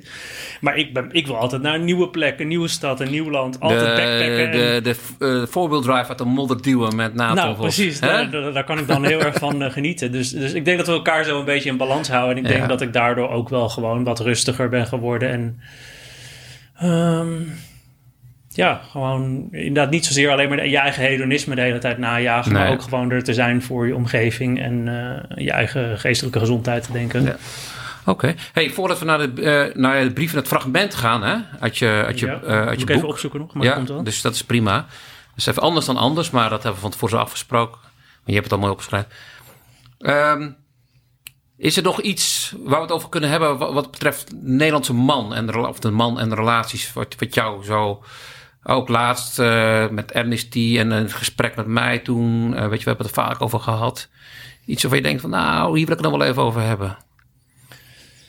Dat is, dat is nadeel van dit soort spontane gesprekken. Dan heb ik het van tevoren wel bedacht, maar dan raak je het allemaal wel weer kwijt. Nou, kijk, eh, je hebt het debat over mannelijkheid en hoe Ja. mannen zich tot vrouwen verhouden. Waar ik niet meer en- aan meedoe. Wat zeg je? Waar ik niet meer aan meedoe. Doe je daar niet meer mee? Nou, nee, dus meer, meer, ik merk dus dat ik het niet meer wil hebben over de man. Ik wil het over. Ja. ik, ik, ik denk, laat dat aan de Jensen van deze wereld. Dus dat die mannen, de emancipatorclubs, die de, de specialisten, zeg maar. Ja. Ehm, wat was de vraag nou ook weer? Nou, eh, over, over oh ja, de, de, de man, de Nederlandse man. En, eh, en eh, of je daar nog gedachten over hebt van. Nou, ja, wat ik daarover wilde zeggen is dat, dat ik toch wel... ehm, ik denk echt wel dat, dat de Nederlandse man toch wel zoekende is naar wat, wat, wat het nou is om man te zijn. Ik, denk dat, dat, ik merk van heel veel vrienden die gewoon hele goede, warme mensen zijn... die goed met vrouwen omgaan, die nooit in hun hoofd zouden halen om een vrouw... eh, Zonder consent. zonder consent heel naar te behandelen. Toch ook wel denken van ja, eh, de, de, de grapjes maken van ja, maar kan ik dan niet meer flirten? Ja, dat hoor ik Eh, voorbij komen. Wat, mag ik, wat mag ik wel of niet zeggen? Ja. Eh, en, en daar maken ze dan grap over, want dat is wat wij mannen doen. Maar daar zitten ze wel mee. Ja. En, ehm, en, en ook wel dat ik soms bij vrienden zie dat ze ja, gewoon niet zo goed met hun vriendin kunnen omgaan eigenlijk ook. En dan kijk je dan met verbazing naar. nou, dat, dat, dat ze gewoon met hun beste vrienden eigenlijk een veel betere relatie hebben. Ook mooi. Eh, wat, wat natuurlijk heel mooi is. Eh. Ik, ik, vind, ik vind vaak ook mannenvriendschappen, daar- dat, dat, dat heeft iets heel moois. Maar ik zie toch wel best wel vaak bestelletjes dat de mannen dan met hun, met hun beste vriend of beste vrienden hele open, eerlijke gesprekken hebben. Eh, heel graag tijd met elkaar doorbrengen. En dat, dat er dan toch vaak, ja, hun vriendin, daar kunnen ze dan niet goed mee communiceren. Of, eh, En heb je een idee over hoe dat komt? ja, dat, dat, dat, dat weet ik niet. Maar ook omdat ik dus niet vanuit dat perspectief zelf kan spreken. Ik Nee. heb nooit een relatie met een vrouw gehad. Maar dat ik dus toch wel heel vaak... Ik merkte dat toen ik veel uitging... dat ik heel vaak gewoon met hetero mannen stond... die alleen maar aan het zeuren waren over hoe stom hun vriendin was... en hoeveel gezelliger ze het vonden met de mannen eh, in de bar of de club. En eh, ik heb daar ook wel eens met mijn vriend over... van waarom vinden zoveel mannen hun... eigenlijk hun vriendin... maar eigenlijk vrouwen in het algemeen zo zeggen ze dan vervelend eigenlijk. En dan denk ik, hè, dat gaat dan toch iets mis in Oké. man-vrouw verhoudingen. Ja. En, en dat is Ja, iets wat- wat, wat- wat je bijna niet eens meer hardop mag uitspreken. wat maar dat misschien is wel wel zo iets is, wat heel erg... even los van die vrouw, is dat natuurlijk mannen, vriendschappen, of hè, hoe licht of zwaar, zijn een soort van, zitten niet heel veel voorwaarden aan. Je kan het Ja. niet makkelijk verknallen. Dat is gewoon een afspraak die we hebben. En als ik een jaar niet zie, je staat op een jaar voor mijn deur, prima, welkom. En als je een keer wat lullig zegt, ah ja, Ja. weet je wel. En een vrouw met wie in een relatie zit, het is je vriendin of Ja. je vrouw. Daar moet je natuurlijk wel op eieren lopen. Eh, we- wederzijds, over die vrouw natuurlijk ook. Hè? Dus Ja. dat is even los van de seksen. ja, ja. Dus ik kan me voorstellen dat, die, dat een man even los van hoe zijn relatie is en hoe eh, dat die bij jou moet uitblazen. Ja. Ja, maar ik vind dat dus gewoon... eh, ik kijk daar met best wel een beetje verwondering naar. Kijk, want mijn vriend, mijn vriend is ook mijn soort van beste vriend. Ehm, en ehm, ehm, dus, dus, dus dat... Het is ook gewoon mijn maatje. En Ja. ik lach met hem op dezelfde manier als dat ik met andere mannelijke vrienden zou lachen. En we kunnen net zo bot en gemeen tegen elkaar zijn als dat ik met andere Ja. vrienden... Dus, dus dat is misschien omdat ik homo ben, dat ik dat voor mij dat vaak eh, mijn relatie en mijn vriendschappen met mannen bijna een soort van hetzelfde zijn. Ja, ja, ja. Ehm, Maar ik vind het dan, dus daarom kijk ik altijd mijn verwondering als, als hetero mannen die op vrouwen vallen, van Mhm. vrouwen houden. Eh, dat zijn hun favoriete wezens. ja. Daar toch, het is niet eens zo vrouw onvriendelijk over praten, maar ze gewoon niet snappen, er niet mee om kunnen gaan. Alle signalen verkeer, verkeer lezen. En dan gaat het niet over Ze consent, hebben wel maar gewoon... dat het niet over ratio gaat. Of tenminste dat vrouwen zijn. Hè, de, de, de uitspraak is, tenminste in een boek ooit. Vrouwen zijn even rationeel als mannen. Ja, Maar ze vinden het gewoon niet zo belangrijk. oh ja, ja, ja precies. Dat, Eh. hè, dat mannen dat nog wel eens vergeten. Ja, maar het is toch anders? Daar ging het niet om, Ja, gast. ja. Weet je wel, daar, daar, daar gaan 9 van de 10 ruzies over natuurlijk. ja, ja, ja, ja, Ja. ja, ja, ja. Nee, dus, dus, eh, dus, dus dan denk ik toch van ja, ehm, waar ligt dat dan aan? Inderdaad, zijn vrouwen dus echt zo, zulke complexere wezens? Snappen mannen er gewoon niks van? Of, of, of Ja, bij, bij, bij, die mannen zal er in ieder geval ook wel onder liggen van de angst van... Oké, eh, je moet wel wat opgeven. Hè, Idealiter niet, maar hè, van je vrijheid. Ja, maar dat vind ik zo verdrietig klinken. En dus, Ja. soms ontmoet ik ze wel hoor. Eh, eh, stellen tussen man en vrouw die echt elkaars maatje zijn. Die hele harde grappen tegen elkaar maken. Die elkaar eh, ook met, met wat zelfspot benaderen. Die met z'n tweeën gewoon ook heel Nee, leuk zijn. het, is, het, is, het is niet een waarheid, het is, het is, het is een angst die ze Ja. hebben. Ik geef wat, want ik en Martine zijn nu ook beste maatjes. Ja. Heeft wel even geduurd, Ja, weet je wel. Dus ik, was, ik zou ook zo'n man zijn geweest, eh 18, jaar- 18 jaar geleden ja, waarschijnlijk. ja.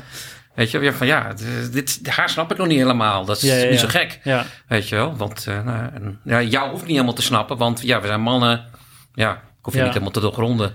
Het is oké. Dus ik denk dat dat vooral de, de angst ook is van wat raak ik kwijt? En dat je dan zo'n kramp komt van, van ergernis of woede, wat er eh, bovenop die angst ligt. ja.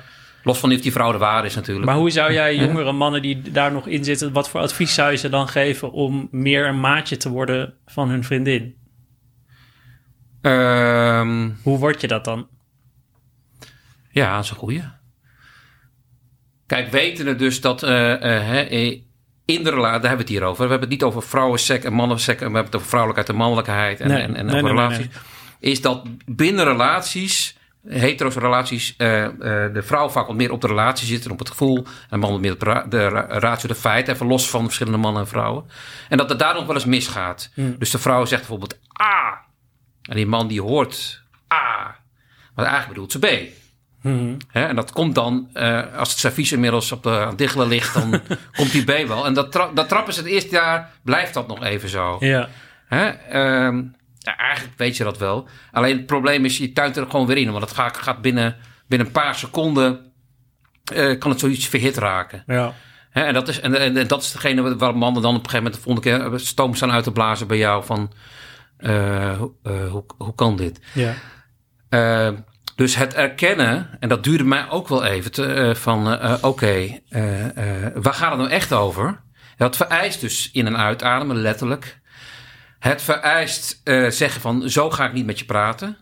Hè? Ja, ik ben ja. niet boos, of ik ben wel, maar ik ga zo niet met je praten. Hè? Dus dan ook de persoon scheiden van wat er tussen ge- gebeurt. Hè? Dus stel jij en ik hebben iets, dan, dan is tussen ons is er ruzie. Maar het gaat even niet om jou of mij, het gaat om wat er is. Dat scheiden. Ja, dat vereist bij wijze van spreken dat die man nog analytischer moet zijn dan die is. Maar dat. eh, eh, dus die man moet ook uit zijn emotie. En dat is niet heel makkelijk. En ik, ik ja. eh, en ja, het heeft bij mij wel best wel lang geduurd voordat wij maatjes waren. Plus, niet voor iedereen geldt. Sommige mensen zijn natuurlijk, eh, eh, die, die, die, die, die, die, die moeten het van passie hebben. ja. En, en, en, en, eh, de bovenop en noem maar op. En ruzie en, en of ruzie. Eh, ik ben toevallig, ik, heb, ik ben zelf redelijk nuchter. En Martien is redelijk nuchter. Eh, dus ik heb wat vrouwelijke kanten, zij wat mannelijke kanten. En dat, dat matcht zo lekker. Dus ik weet niet zo goed hoe dat voor anderen Ja, ik gaat. moet ook zeggen, nu we het over hebben, merk ik ook wel dat als... eh, ik haat het als mennen, m- mensen bij homo stellen zeggen... wie is het mannetje en het vrouwtje? Maar ik ben wel duidelijk de veel meer emotionele van de twee. En ik kan ook heel erg gemengde signalen naar mijn vriend uitstellen... die dan echt denkt... Hé, maar wacht eens even, we hebben het toch net hierover, waarom begin je nu hierover? En, ik, en inderdaad ook soms de kamer uitlopen, luister, als je zo gaat doen, ga ik nu niet met je praten. Dat zegt hij dan. Dat zegt hij dan, Ja. dus, dus, dus Heeft hij goed eh, begrepen? ja, ja, precies. Dus het is ook niet, het is geen, niet Nee, we noemen, we, noemen het man- en vrouwelijke ding, omdat we dat nou eenmaal zo geleerd hebben. Eh, eh, of masculin, feminien. En het komt wel eenmaal vaker voor bij vrouwen, denk ik. Dat die de relatie op het spel zetten of op het spel belangrijk vinden. En de man meer de ratio, ja. Ja. Maar goed, dat is, dat is verwarrend. En daar wil ik het niet over hebben. Want dan gaan we, dan gaan we weer in concepten denken. Ja. hey, laten we nou je... eh, als we dit uh, naar tevredenheid hebben afgerond. Of in ieder geval accepteren dat we er niet helemaal uitkomen. Ja. Dan uh, stel ik voor dat jij je, je, je stukje uit je Ja. boek gaat voorlezen. Ja, want inderdaad, je vroeg me om een, om een, wacht even, je vroeg me om Ja. een eh, brief aan mijn vader te schrijven. Maar boek. ik heb natuurlijk een boek ehm, waarin ik niet de brief aan mijn vader schrijf, maar wel mijn broertje vertel over mijn vader. Ehm, en had ik een stukje uitgekozen, alleen kan ik het nu even niet meer vinden. Waar stond het ook alweer? Ehm, ja, nee, waar- waarom ik ehm, dit stukje heb gekozen is omdat ik dus eigenlijk mijn halfbroertje vertel over onze vader. Mhm. En ehm, ja, ook, ook inderdaad eigenlijk tijdens die reis door inderdaad geconfronteerd te worden met dat soort meer mannen-mannen. Meer stereotype Ja? Eh, ja, wat meer uh, traditionelere mannen. Dat ik inderdaad dus ook heel erg ging nadenken over nou ja, mijn band met mijn vader. En ook hoe erg dat door cultuur ook zou, bepaald zou kunnen zijn. Hoe jouw band met je vader door cultuur bepaald ja, zou kunnen zijn? of dat ook gewoon ligt aan het cultuurverschil... dat ik een Nederlandse jongen ben en hij een Pakistaanse vader is. Of dat gewoon ons in de weg staat. Mhm, oké. Oké, dan lees ik een klein stukje over voor. Wat voor mannen brengt deze cultuur voort? Mannen die altijd sterk zijn, of in ieder geval doen alsof. Mannen die Allah gehoorzamen en hun gezin commanderen. Wat een druk moet papa hebben gevoeld om nooit zijn kwetsbaarheid te tonen. Misschien heb ik het hem te moeilijk gemaakt met mijn tomeloze nieuwsgierigheid en mijn drang om grenzen op te zoeken. Had ik moeten respecteren dat een Pakistaanse vader altijd boven zijn zoon staat en wil staan, ook toen ik volwassen was? In dat geval moet ik me ook bij neerleggen dat er nooit gelijkwaardigheid zal zijn tussen papa en mij. Geen vrije uitwisseling van gedachten. Omdat de vader altijd het laatste woord heeft en altijd gelijk krijgt, ook al zit hij ernaast. Of had hij me toch meer tegemoet moeten komen, juist omdat hij uit zo'n ander land kwam? Misschien had papa moeten inzien dat, dat, kinderen in Nederland veel losser omgaan met hun ouders. Dat wij bij vriendjes thuis leerden dat je alles moet kunnen zeggen tegen je ouders. En dat discussie juist moet worden aangemoedigd, zodat we ervan kunnen leren. Ik had jou dat ook gegund. Ik zou zo graag een staakt het vuren willen, een neutrale zone tussen radicale openheid en verstikkende gehoorzaamheid. Ik wil papa ervan overtuigen dat ik hem niet te gronden wil richten, niet een dolk in zijn rug wil steken, maar gewoon met hem wil praten. Niet van leider tot onderdaan, maar van man tot man. Maar ik heb geen idee hoe ik tot hem door kan dringen. Zal hij jou later wel toelaten in zijn fort? Mooi. Ja, dat vat het ook wel een beetje samen, inderdaad. Uh, de, de onmacht die je kan voelen over een uh, slechte relatie met je vader. En hoe ik hoop dat mijn halfbroertje dat uh, bespaard zal blijven. Op welke manier dat ook gaat gebeuren. Wat voor opvoeding hij ook zal krijgen.